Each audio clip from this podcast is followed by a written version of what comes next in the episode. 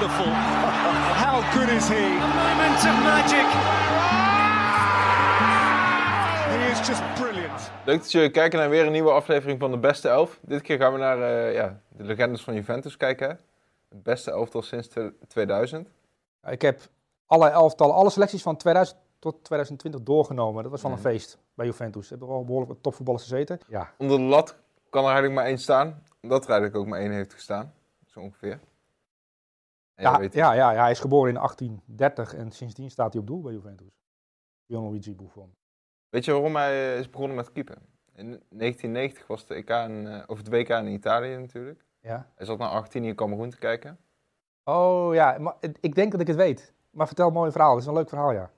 Je dat kent de keeper van Cameroen, toch? Ik denk dat hij fan is geworden dankzij de keeper van Cameroen, ja. Een En. Kono, hè? Een Kono, ja. Ja, heel spectaculair. En tot die tijd hadden keepers hadden een beetje een suffie imago. Hè, van, jij moet onder de lat, want je, je kunt tenminste voetballen. Alleen de bal tegenhouden. Maar die Encono vond hij zo spectaculair. Zijn doel uitkeepen, eh flamboyant, mooi tenue. Buffon zag dat en dacht, ik wil keeper worden. Sindsdien hard gaan trainen. En tien jaar later maakte hij volgens mij al de overstap eh, naar Juventus. 1999, denk ik. Ja, ja klopt. Eh, vanaf Parma. En een ware legende geworden. Als je nadenkt over Buffon. Ik, ik denk dat in Italië het ook wel dankbaarder is om keeper te zijn. In Nederland is het toch vaak een beetje de minste voetballer wordt onder de lat gezet. Zeker in de, in de jeugd.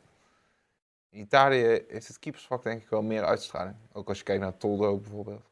Ja, en Dino Sof, hè, als je teruggaat in Mhm. de tijd, er zijn natuurlijk al een aantal legendarische keepers. Ehm, ja, wat je bij keepers hebt, en hele goede keepers, die, keepers die oud worden, zoals Gianluigi Buffon. Je hebt ook een boom die altijd blijft leven. Hè. Alles gaat dood, maar die boom die, die blijft daar leven. En dat is Gianluigi Bu- Buffon is te vergelijken met zo'n eh, boom die eh, steeds meer jaringen krijgt. En eh, naarmate die boom ouder wordt, wordt hij eigenlijk mooier. En dat geldt voor hem ook. Ehm, want ik kan me nog herinneren, een jaar of tien geleden zo, wordt hij niet een beetje te oud. Hij Mm. gaat wel traag naar de hoeken toe. En hij gaat nu nog trager naar hoeken toe. En hij keept natuurlijk niet altijd. In de competitie staat Chesney in het doel. Ehm, Teruggekeerd om nog wat records te pakken. Even bij PSG eh, gezeten natuurlijk. heel vreemd. Dat is een uitstapje. Ja. Eh, want hij zou eigenlijk, hè, het hoofdstuk af, Juventus was afgesloten, hij keert toch terug. En het lijkt me voor Matthijs de Ligt een geweldige leermeester, zo'n uh, Gianluigi Buffon, die alles al heeft meegemaakt. En ook in steeds mooiere woorden over het voetbal kan praten. Hè. Eh, daar, daar heeft hij ook nog talent voor. Ja. Dus eh, ja, maar Gianluigi Buffon, er is maar geen enkele twijfel wie er op doel moet staan in dit elftal. Prachtig stuk ook, hè, op de Players Tribune, waarin hij een brief schrijft eh, aan zichzelf eigenlijk, toen hij nog jonger was. Dat hij toen nog iets te veel van het uitgaansleven genoot en zo. Dat hij zich eigenlijk niet bewust was van de gevaren in de voetbalwereld. Hè. Veel mensen die ook Ja. slecht met je voor hebben. Ehm, nam op een gegeven moment een kreet ook over, die hij zag als een sportkreet. En toen werd hij gekoppeld aan het fascisme in eh, Italië. Wel, eh, wel altijd een omstreden figuur geweest ook, wat dat betreft. In het begin van zijn carrière, ja. Ja, ja maar het is een sieraad voor, eh, voor, voor het doelmanschap, hè, om het zo, maar te zeggen. En als je gaat kijken, we zijn doen van de elftal vanaf 2000. Casillas, Buffon, Van der Sar. Wie heb je nog meer? Tsjech? Petr Cech, hoort er zeker ook bij. Ja, Buffon is misschien wel van die allemaal. En die heeft sowieso de langste carrière. Casillas natuurlijk een hartaanval gehad bij Porto. Ehm, maar Buffon is een eh keeperslegende. En hij keept nog steeds, dat is het bijzondere ervan.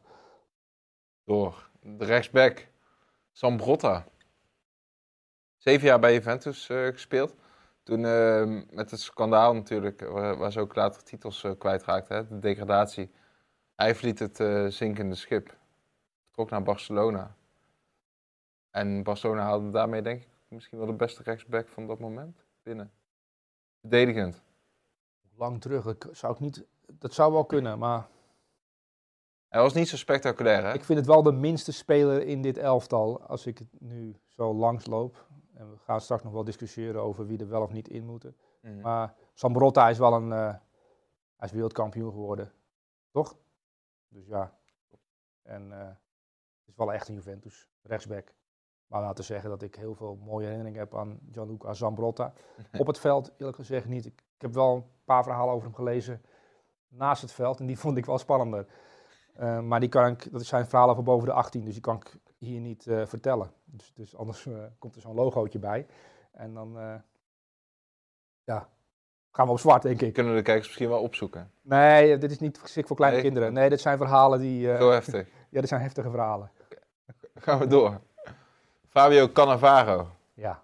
Schitterende verdediger, hè? ja, en hij stond natuurlijk met die wereldbeker. Dat is zijn ultieme moment Ja. geweest. Ehm, niet zo groot. Nee. Een beetje jouw eh, lengte. Ik ben 1,85. zo. Ja, maar daar wil ik verder niks mee zeggen. Eh, maar jij oog kleiner. Oké, oké. Nee, maar hij heeft niet het postuur van een, een, een, een Jaap Stam of zo. Nee. Maar zijn timing was goed. En wereldkampioen geworden. En bij Juventus ook natuurlijk in de kracht van zijn leven. Hij begon ooit als middenvelder, hè? Omdat hij ook klein was. Op een gegeven moment in de jeugd van Napoli eh, doorgeschoven eh, naar de verdediging.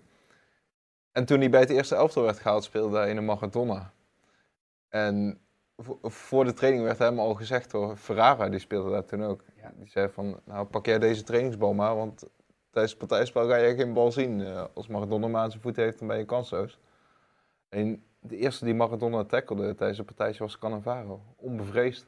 Kijk, en dat is wel een mooie anekdote. En dat, is, dat was Cannavaro, die net als eh Mascherano had het ook. Mm. eh die scheurde zijn anus tegen Nederland. Hij had ook zijn anus kunnen scheuren. Hij ging heel ver in, eh, om, om zijn elftal te helpen. En dat is wel een mooi voorbeeld inderdaad. Want je moet Maradona wel durven tackelen. Zoals je nu ook. Stel je voor dat, eh, dat je bij Barcelona binnenkomt. En je bent een verdediger, je moet je bewijzen. Ja, er is er eentje die je op de eerste twee moet aanpakken. Ja. En als je dat doet, Staat de Dan- rest wel dan- even te kijken. dan staat de rest wel te kijken van wat doet hij nou. Ja. Want er is nog nooit iemand die Messi heeft getackeld de afgelopen tien jaar. Hè. Die loopt overal doorheen, denkt dat hij kan voetballen. Maar hij wordt gewoon niet aangepakt. Nou, Cannavaro deed het wel, dus bij Maradona.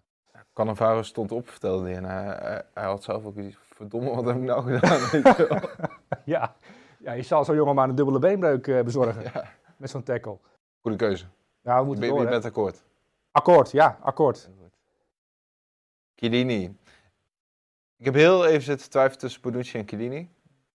Oké, Ook met Cannavaro erbij, moet ik zeggen. Maar Bonucci vind ik... Bonucci heeft misschien meer de uitstraling van, van de leider. Hè? Ook bij, als, als het volkslied gaan zingen. Bonucci straalt wel wat uit en wil ook wat uitstralen, heb ik het idee. Alleen Chiellini is iets meer op de achtergrond, denk ik, naar buiten toe. Alleen binnen Juventus meer gewaardeerd. als ik moet kiezen tussen Chiellini of Bonucci, zou ik kiezen voor Chiellini. Ehm, meer een Juventus-icoon, eh, meer karakter. Eh, Bonucci is een geweldige speler en eh, die heeft ook meer voetballend vermogen in die zin dat hij een betere lange trap heeft bijvoorbeeld. Maar hij kan ook voor de verdediger die hij is en het imago dat hij heeft, ook best aardig voetballen. En het is nog een intelligente jongen ook natuurlijk, die, eh, die gewoon Studeert, hè? die, die in toga is afgestudeerd en eh, professor is in de economie, dus hij heeft ook nog hersens. Ehm, en heel belangrijk, en wat, je bij, wat, wat bij Juventus wel eens een onderschatte kracht is, het gaat ook om goede spelers, maar, maar ook de kracht van de kleedkamer. En daar is hij een voorbeeld van. Mm. Een jongen die, eh, die ervoor zorgt dat er, eh, dat er elf het veld opstappen als team. En je ziet bij Paris Saint-Germain, er stappen er elf op als individuen. Ja. Bij Juventus stappen ze als team het veld op en daar is hij heel belangrijk in. Hij ook als mid-dertiger is hij nog top. We hadden het net over Buffon, hè, dat hij lang doorgaat. In Italië zie, zie je dat wel vaker. Denk je dat hij ook in een andere competitie zo lang in de top had Nou, het heeft opnieuw te maken met Juventus, de kleedkamer, het respect dat hij daar geniet. Ehm, ehm, de- ja, in Nederland heb je zo'n mooi woord, hè, en dat heb je zo in de rest van de wereld ook wel, hebben, het topsportklimaat. Ehm, dat kun je wel bezigen via de mond, maar Ja. dit, is, dit, dit zijn jongens die dat eh, van nature eh, kunnen opbrengen. Eh, hij is ook best wel snel teruggekeerd van een blessure. Een zware blessure op die leeftijd. Ik had laatst een documentaire gezien van Kobe Bryant, die een Achillespees blessure opliep. Hè. Die is 16, 17 maanden weg geweest. Maar als je dan de camera's in ziet wat die jongens moeten doen om weer terug te komen op die leeftijd, 4, 5, 36, 37, 38, hij ook in de 30. Ja, dat is niet niks om dan terug te komen. Dan moet je elke dag opnieuw een topsportprestatie leveren. Dat is namelijk je bed uit en trainen om, terug te komen. En die uren die je niet ziet, ja, dat, eh, daar is hij echt een koning in. En daarom is hij ook eh, zo lang bij Juventus in de achterhoede on- onomstreden, eigenlijk, denk ik. Gaan we door. Linksbackpositie, daar was het even puzzelen. Ik moet zeggen, Juventus de laatste 20 jaar, nou, je ziet geweldige spelers voorbij komen. Alleen linksback was het wel een beetje schaap. Hè? Pesotto in de eerste jaren nog vaak. Ehm, ja, daarna Crisquito. Eh, die ging later naar Rusland. Hè? Was een groot talent toen hij doorkwam. Eh, de Sekli. Dramatische speler, vond ik. Evra heeft er nog even gezeten. hè? Die, die was wel goed toen hij van United eh, terugkwam. Nee, ik vond Alexandro, zeker als je kijkt naar wat er tegenwoordig verwacht wordt van een back, wel de meest complete in die zin. Ja, ik, Ehm, maar het was geen keuze uit luxe. ik zou hier een andere speler neerzetten. En ik heb je elftal natuurlijk verder bekeken. eh we doen net alsof het heel spontaan is, maar ik heb hem stiekem al bekeken. We doen aan voorbereiding. We doen een voorbereiding. En ik weet wie er niet in het elftal staat en wie er eigenlijk wel in hoort. Naar mijn mening. En die zou ik linksback zetten. En dan krijg je een iets andere indeling. Maar Edgar Davids is natuurlijk een middenvelder. Maar die kan ook prima als linksback uit de voeten. En ik zou Edgar Davids op die plek zetten. Dat vind ik meer een Juventus-icoon. Uit die tijd met Zidane onder andere. Ehm, die past daar echt bij. En, en, en je kunt geen elftal presenteren van 2000 2020 zonder Edgar Davids. Is mijn bescheiden mening. Dus dan zou ik Sandro eruit gooien, want die mis je ook niet als voetballer. Als je nou naar mij vraagt, Sandro, noem eens één typische actie van hem van de afgelopen jaren. Dat je denkt, hé, Nee. hey, dit is een Juventus-speler. Heb ik niet. Dan zou Davids het hebben gekund. Linksback, de backpositie. ja, tuurlijk. Davids was, was heel goed. Ehm, die kan, heeft ook wedstrijden gespeeld hoor, als back. Dus die kan prima als linksback uit de voeten eh, met dit elftal. Want als we straks de namen gaan zien die op het middenveld staan, Heb je ook wel wat gif nodig. dan heb je Dus- wel, heb je wel een speler nodig die eh, achterin eh, als stofzuiger of het middenveld als stofzuiger kan fungeren. En, en Edgar Davids was zeer belangrijk in zijn, in zijn Juventus-tijd. En ook nog zeer gerespecteerd. Hè? Ehm, er wordt nog steeds met veel liefde teruggekeken op de periode van Edgar Davids bij Juventus. En, en, en Sandro vind ik een prima back hoor, maar het is nog niet zo dat ik eh, daar heel warm van word of zo. Dus nee, ik zou, ik zou je willen vragen om Edgar Davids in het elftal te zetten. Dan doen we dat maar. Ja? Gaat er een kruis door. Nee. Je hebt me overtuigd. Twee Franse grootheden. En de linker eh, staat op ons middenveld. Ja, die Een sieraad van een voetballer. Hè? Ja. Ja, Zidane, dat, daar zet je de tv voor aan. En er zijn een aantal voetballers. eh, Er zijn natuurlijk nu jongens die nu voetballer zijn. Eh, Als je dan hun favoriete voetballer vraagt, eh, dan kom je op de Braziliaanse Ronaldo uit. Mm. Zidane is ook een grote favoriet voor heel veel spelers natuurlijk. Ja, dat was een fantastische voetballer. Die bij Juventus natuurlijk een geweldige tijd heeft beleefd voordat hij naar Real Madrid ging. Ja, puur voetbal als je aan hem denkt. Mooi shirt ook. Met Henri. Ja. Zidane. Was hij bij Juventus al op het niveau dat hij later bij Real Madrid haalde? Ja, ja, ja, ja. Ja. ja, een heel hoog niveau haalde hij eh, bij Juventus. Bij Real Madrid werd hij meer de superster, hè? Ik denk ook qua status. Nou ja, dat was natuurlijk de periode van de Galacticos. En, en Zidane was een van die supersterren die toen eh, naar Madrid werd gehaald. Ehm, en hij was gewoon toen op dat moment de beste voetballer ter wereld. En, en Real Madrid haalde eigenlijk altijd de wereldvoetballer van het jaar binnen als ze die nog niet binnen hadden. Ja. Zoals ze die Gouden Bel elke keer weer konden presenteren. Ehm, ja, Zidane was een waanzinnige speler. Ja, het WK 98 eh, natuurlijk is zijn moment geweest met twee doelpunten in de finale. Ehm, en bij Juventus ook eh, Ik zou het mooi vinden als hij nog een keer terugkeert als trainer. Lijkt me Bij ook Ja, lijkt me ook een goede trainer voor Juve. Ja, het is een, het we hebben het er vaak over gehad, maar Zidane is een fascinerende persoonlijkheid die, die afscheid heeft genomen met een kopstoot in een finale Mhm. en daar geen spijt van heeft, ook daar echt niet heel erg mee zit. Ja. Ehm, op dat moment gebeurde dat. En hij heeft echt, als je aan straatvoetballers denkt eh, en je gaat terug naar Marseille, eh, tussen zo'n flat, zo'n zo'n kooi, eh, daar was hij de beste. En dat zag je ook terug op het veld. Was met aan de bal, als de bal zijn kant op kwam, dan deed hij iets, iets moois mee.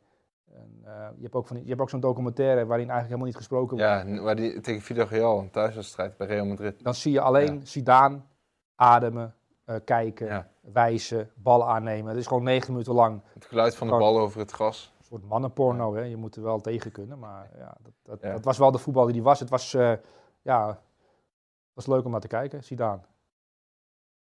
Ook leuk om naar te kijken. Andrea Pirlo. Ach, ja, Pirlo, ja, ja, ja, ja. Heeft iemand een mooiere herfst van zijn carrière beleefd dan Pirlo? En je hebt het boek ook gelezen, toch? Dat eerste Mm. hoofdstuk waarin hij, het gaat, het gaat, het eerste hoofdstuk van zijn biografie gaat over een pen.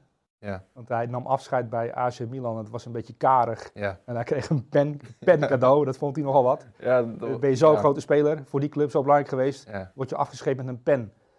En eh, dat vond ik wel mooi. eh, typisch begin van een biografie van Andrea Pirlo. En ook de manier waarop hij het beschrijft. eh, Het was geen...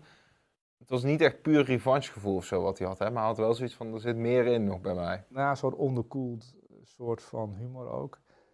Ehm, ja, weet je, ah, ah, eh, kijk, we hebben natuurlijk Frenkie de Jong nu, die ook een beetje kan wat Andrea Pirlo kan. Alleen dat moet hij nog ontdekken. En dat moeten ze bij Barcelona ook nog ontdekken. Mm. Maar ja, hij speelde altijd teruggetrokken. En je dacht ook altijd van, goh, hij staat altijd vrij. En hij staat altijd zodanig vrij dat er, je kon een cirkel omheen trekken. En er stond eigenlijk bijna nooit iemand in, in de buurt. Ja, Dus je denkt, ja, iedereen kan voetballen zoals Andrea Pirlo. Totdat je moet voetballen zoals Andrea Pirlo. En dat lukt niemand. nee. En bij Juventus hadden ze het ook perfect ingericht hè, in die laatste jaren. Ja. Met eh, Vidal en Pogba, dat is natuurlijk meer eh, Ja. dynamiek ook op het middenveld. Maar dat is een, dat is een middenveld. Ja, Als, je die, als je die kwaliteiten Ja, optelt, denk je, hey, dat klopt. maar nu met Frenkie de Jong, waar je het net over had. Nee, Nee, maar om over Andrea Pirlo te hebben, ja, dat was een waanzinnige speler. Met een geweldige lange trap ook. Hij zag eigenlijk alles Mm. hè, op een veld. Eh, ja, het staat- ook in die biografie over zijn eerste training. Hij was 16 jaar, dan moet hij mocht meetrainen. Eh, hij zette zijn scootertje neer aan de rand van het veld. En eh, er kwam een bal zijn richting op. En bam, hij, hij trapt die bal keurig recht in de voeten van de sterspeler. Ja. Over een afstand van 60, 70 meter. Toen dachten ze, goh, wie is die jongen? Dat was Ja. Andrea Pirlo. En Brescia nog, toch? Bij Brescia, mooie introductie. Ja, puur goud in zijn benen. En vooral in zijn hoofd, hè, hier. Die rust, hè? Ja, Ook nooit in paniek. Die dag van de WK-finale, dat hij ook vertelt van... ja, ik heb nog even een dutje gedaan, rustig op de Playstation gespeeld. Toen ging ik de deur uit en toen won ik het WK. ja, ik vind dat wel, ik vind dat zo'n mooie zin. Toen ging, toen ging ik de deur uit en toen won ik het Ja. WK. Eh, alsof je de hond uitlaat. Ja, en dat, je terugkomt, dat je terugkomt en even je vrouw vraagt, wat heb jij in je handen? De wereldbeker. is toch mooi man, ik ga de hond even uitlaten, die komt terug met de wereldbeker. Is het eten al klaar? Ja, Ja, mooie speler.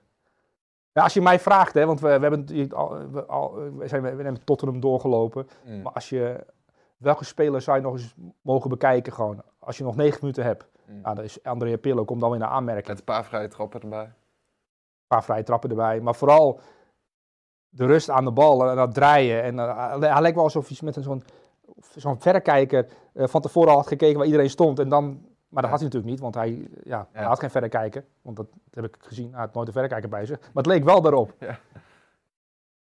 Over goede trap gesproken. Pavel Nedved, de Tsjechische kanon. Ja, eh, ja net vet. Die had- Mentaliteit. Die had ook een afstandsschot, hè? Ja, wat ik me van hem onthouden heb, ja, hij heeft een geweldig schot en eh, het was een hele complete middenvelder. Maar als je het hebt over mentaliteit, en dat paste echt bij Juventus, ongelooflijk hard werken voor, voor wat je op het veld brengt. Mhm. Dat, dat bracht hij wel met zich mee. Kijk, Paul Pogba heeft het ook gezeten, en ik weet niet of het erover, want die staat niet in het elftal. Nee, klopt. Ehm, die is natuurlijk als talent daar doorgebroken naar Manchester United vertrokken. Ehm, en Netvet en Paul Pogba hebben dezelfde zaak waarnemen. En ik weet dat eh, Paul Pogba probeert ook van Netvet te leren, zoals heel veel jongens van Netvet proberen te leren. Eh, maar het gaat vooral om die mentaliteit. Dat heb ik van hem eh, wel onthouden. Uh, Pirlo het voetbal, Zidane ook het voetbal. En hij eh, als man die eh, negen minuten lang energie kon geven aan zo'n elftal. Misschien wel de meest ijverige creatieveling eh van Ja, die tijd. ja het is wel. Het is, als je creatief bent, dat zie je bijvoorbeeld aan Rafa van der Vaart, Ja. die best vroeg gestopt is. Maar als die eh, de motor had van Netvet, Ja. dan was het de allerbeste speler ooit geweest. Ik denk Alleen, als creatieveling... Het is ook verleidelijk om je te focussen op die paar momenten aan de bal, hè, waar je- waarop je het verschil kunt maken. Ja. ja, want we hebben één speler eh, niet genoemd die ook later trainer is geworden. En Antonio Conte heb ik het Mm. over. Eh, die kwam natuurlijk ook, dat is ook een Juve-legende als Ja. trainer, maar ook als speler is hij belangrijk geweest. Maar Antonio Conte heeft ook al wel gezegd, ja, ik had Zidane of ik had iemand anders om me heen lopen. Hè. Er waren een aantal jongens die precies wisten wat ze moesten doen als ze aan de bal waren. Als ik aan de bal was, was ik in paniek. Dan, dan zocht ik naar een uitweg, want ik wil die bal kwijt. Ja, Maar zonder bal was hij veel belangrijker dan Zidane. Ja. Eh, want hij was eigenlijk al een trainer op het veld en bewaakte daar die balans. En dat zijn wel spelers die je nodig hebt om kampioen te worden. Dus Antonio Conte heb ik lang aan getwijfeld. maar Die moet je eigenlijk wel kwijt in zo'n elftal. Hè? Eh, heb je een beetje ondervangen met Davids dan. op We hebben met. Davis linksback, Ja. maar Antonio Conte hoort er stiekem eigenlijk wel een beetje in. Maar ja, net vet ook. Zidane ook. Ja. Ja. Sorry? Pirlo ook. En Pirlo hoort Ja. er ook absoluut bij. Dus Conte niet. Geen belediging eh, voor Conte. Nee, nee, die begrijpt het wel. Del Piero. Ja. Ja, Maradona zei over Del Piero van... Ik zag de kwaliteit bij Zidane, geweldige speler, maar ik genoot meer van Del Piero. Want Del Piero had meer dat pure voetbal in hem. Met de dribbles, met de, Ja. de stiftjes. Ik begrijp Maradona wel. Eh Zidane is een soort verstilde klasse. Mm. De- de- en Del Piero was meer van, eh, meer van de uitbarstingen. Net zoals Maradona ook veel meer van de uitbarstingen is. Ach, ja, Del Piero was wel een, een- baas in zijn eh, Ju- Juventus-tijd. Ook in de Champions League. Zeer veel doelpunten gemaakt. Ik weet niet hoeveel doelpunten, maar heel veel. Meer dan 500 wedstrijden in totaal voor Juve. Ja, Meer dan 200 goals. ja dit, is, dit, is, dit is een geweldige speler. Ook zo'n vergeten speler uit een, een, een lang verleden. Hè. We gaan natuurlijk, die wedstrijden denderen maar door. En, en om de twee, drie dagen hebben we weer nieuwe wedstrijden. Ja. En je vergeet wel eens dat zo'n Alexander Del Piero ook nog bij Juventus heeft gezeten. Hij werd ook mooi oud, hè?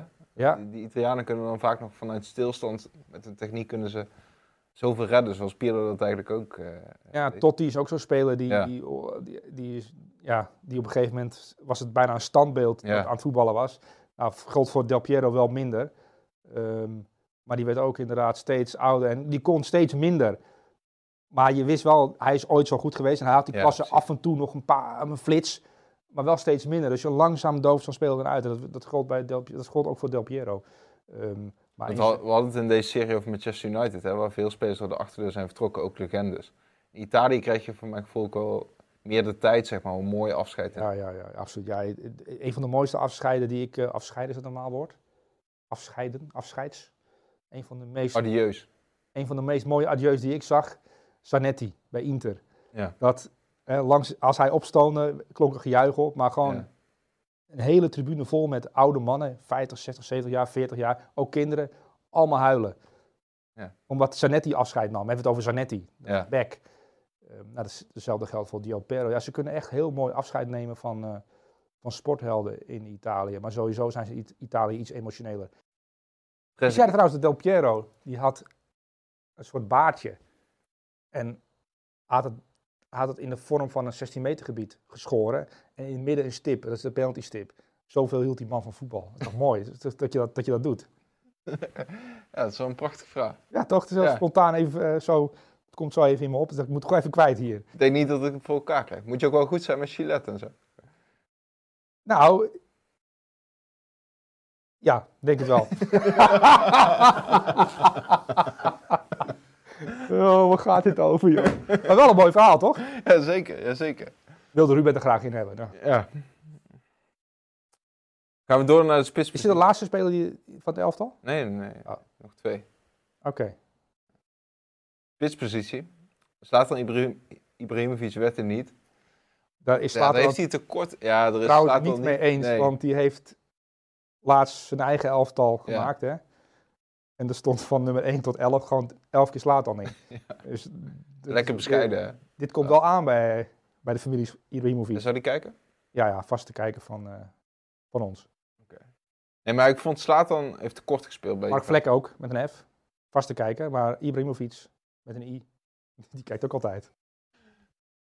We moeten er nog maar drie, hè? Deze goal, mooi.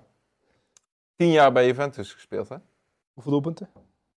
Volgens mij meer dan 200. Ja, 228 uit mijn hoofd. Ik vind het wel mooi dat hij nog uit liefde voor voetbal en uit liefde voor zijn club terug naar Argentinië gegaan is om daar Mhm. nog voor River Plate te spelen. Ja, Maar Trezeguet, ja, geweldige spits geweest. Een echte nummer 9. echt een killer ook, hè? Een killer. In, Niet eh, zo van een meevoetballen. Nee. Iets betere versie van Inzaghi. En Inzaghi was al heel goed. Hij, hij had ook wel dat typische juichen, wat je later ook bij Milito zag, bij veel spitsen in de serie. Ja, ik vind dit ook wel een kenmerkend eh, beeld. Ja, je hebt een echte spits, komt klaar als hij scoort. En dat was Trezeguet ook. Je hebt dat, dat, Zo'n rare, eh, rare manier van juichen, dat zijn nepspitsen. Mm. Die, die hebben van tevoren Ja, nagedacht. Dat is een echte spits, een echte nummer 9, juicht zoals Haaland ook juicht. Mm. Gewoon even een soort orgasme. Dat moet eruit. Ik heb gescoord. En daarna, dat gevoel, daar wil je elke keer weer naar terug. Van Nistelrooy had het ook. En Trezeguet ook. Daaraan, daaraan kun je ook wel zien of het een echte spits is, ja of nee. Over Gel eh, voor de goal gesproken. Ronaldo. Ja, hij is wel jij- de laatste. eh, Ja, hij wordt er nu voor bijgehaald. Hè, en, Ja. en het is natuurlijk een Real-icoon. eh, En, en zo ongelooflijk veel doelpunten gemaakt. En ook Heb, jij, heb jij dit seizoen getwijfeld? Dat aan. Ronaldo, dat Nou, dat weet jij, we hebben daar vaak over gesproken. Ja. Er zijn allerlei mensen om mij heen die hebben getwijfeld aan het fenomeen Ronaldo. Die vraag is je vaak gesteld, hè? Is het niet over met hem? Ja, die is me heel vaak gesteld. Maar hoe kan het over zijn met iemand die zo voor zijn vak leeft? Eh, en natuurlijk wordt het minder, want hij is niet meer de Ronaldo eh, op zijn toppunt bij Real. Dat hoeft je alleen nog. Hij, hij keek naar een bal en die bal ging eruit, soort van: oké, dan ga ik hem alvast in, weet je wel zo. Ik vind het af en toe wel vervelend worden, moet ik zeggen, voor hem. Om naar te kijken. Als er dan een counter komt van Juventus en hij moet een sprinten aan. Ja. 30, 40 meter. Hij wordt geklopt. Ja, het is niet zoals het moet zijn met Ronaldo.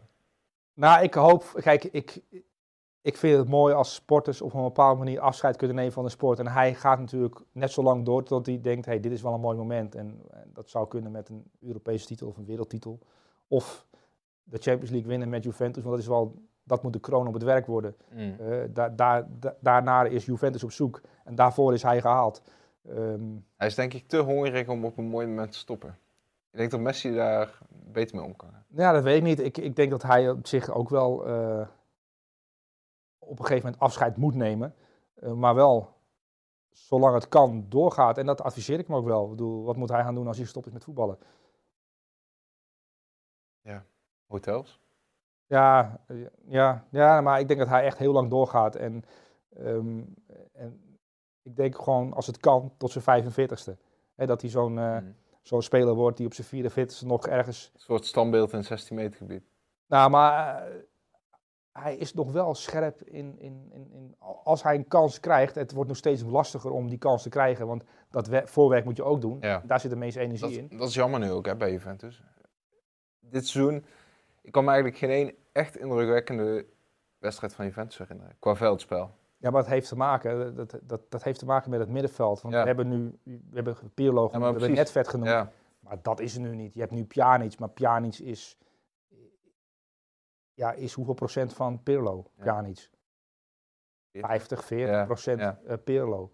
Ja, dat is al veel minder. Als je gaat kijken naar netvet, ja, dan heb je, zit je nu met Rabiot, met Ramsey, ja, met Kedira. Dat is, dat is dat, Juventus heeft een veel hogere standaard. ja. Ehm, als je dit middenveld eh, zou inwisselen voor het middenveld dat wij nu hebben en Ronaldo erbij, ja, dan Zou er ook niet getwijfeld worden hè? of het al over is met hem. Nou, Kijk, dat, dat, ja, ik, ik, doe, ik, ik word daar een eh, klein beetje moe van, ook omdat het heel vaak daarover gaat. En hij, ja, elke speler die in de 30 komt, en Van Nistelrooy heeft het ook meegemaakt. En bij de ene speler gaat het sneller dan bij de andere dan, maar ik kan het niet voorspellen. Ehm, van der Vaart was over. Eh, van Nistelrooy was op een gegeven moment bij HSV Malaga over. Ik kon het niet meer opbrengen. Mm. Ehm, hij kan het nog wel opbrengen. Ehm, heeft nog steeds hij heeft veel doelpunten gemaakt dit seizoen. Eh, en was langzaamaan op stoom aan het komen om, om, om in de belangrijkste fase van het seizoen. En Juventus moest nog een aantal zeer belangrijke wedstrijden spelen. Ehm, ja, was hij wel in topvorm aan het raken, samen met Dybala. Maar als je mij nu vraagt wie is op dit moment de beste speler in de selectie van Juventus, is dat niet Ronaldo. Maar Paulo Dybala. Op dit moment al. Ik vind Paulo Dybala een betere voetballer. En ik denk nuttiger voor Juventus op dit moment dan Ronaldo. Want je zou ook nog andere doelpunten maken daar neer kunnen zetten. En die zou ook doelpunten maken. 15, 16, 17, 18 doelpunten. Ehm, dus hij is over zijn hoogtepunt heen. En dat wordt steeds minder. Maar hij is nog steeds een fenomeen. En, eh, ja. en hij hoort misschien ook wel in dit elftal thuis. Sluiten we hiermee af.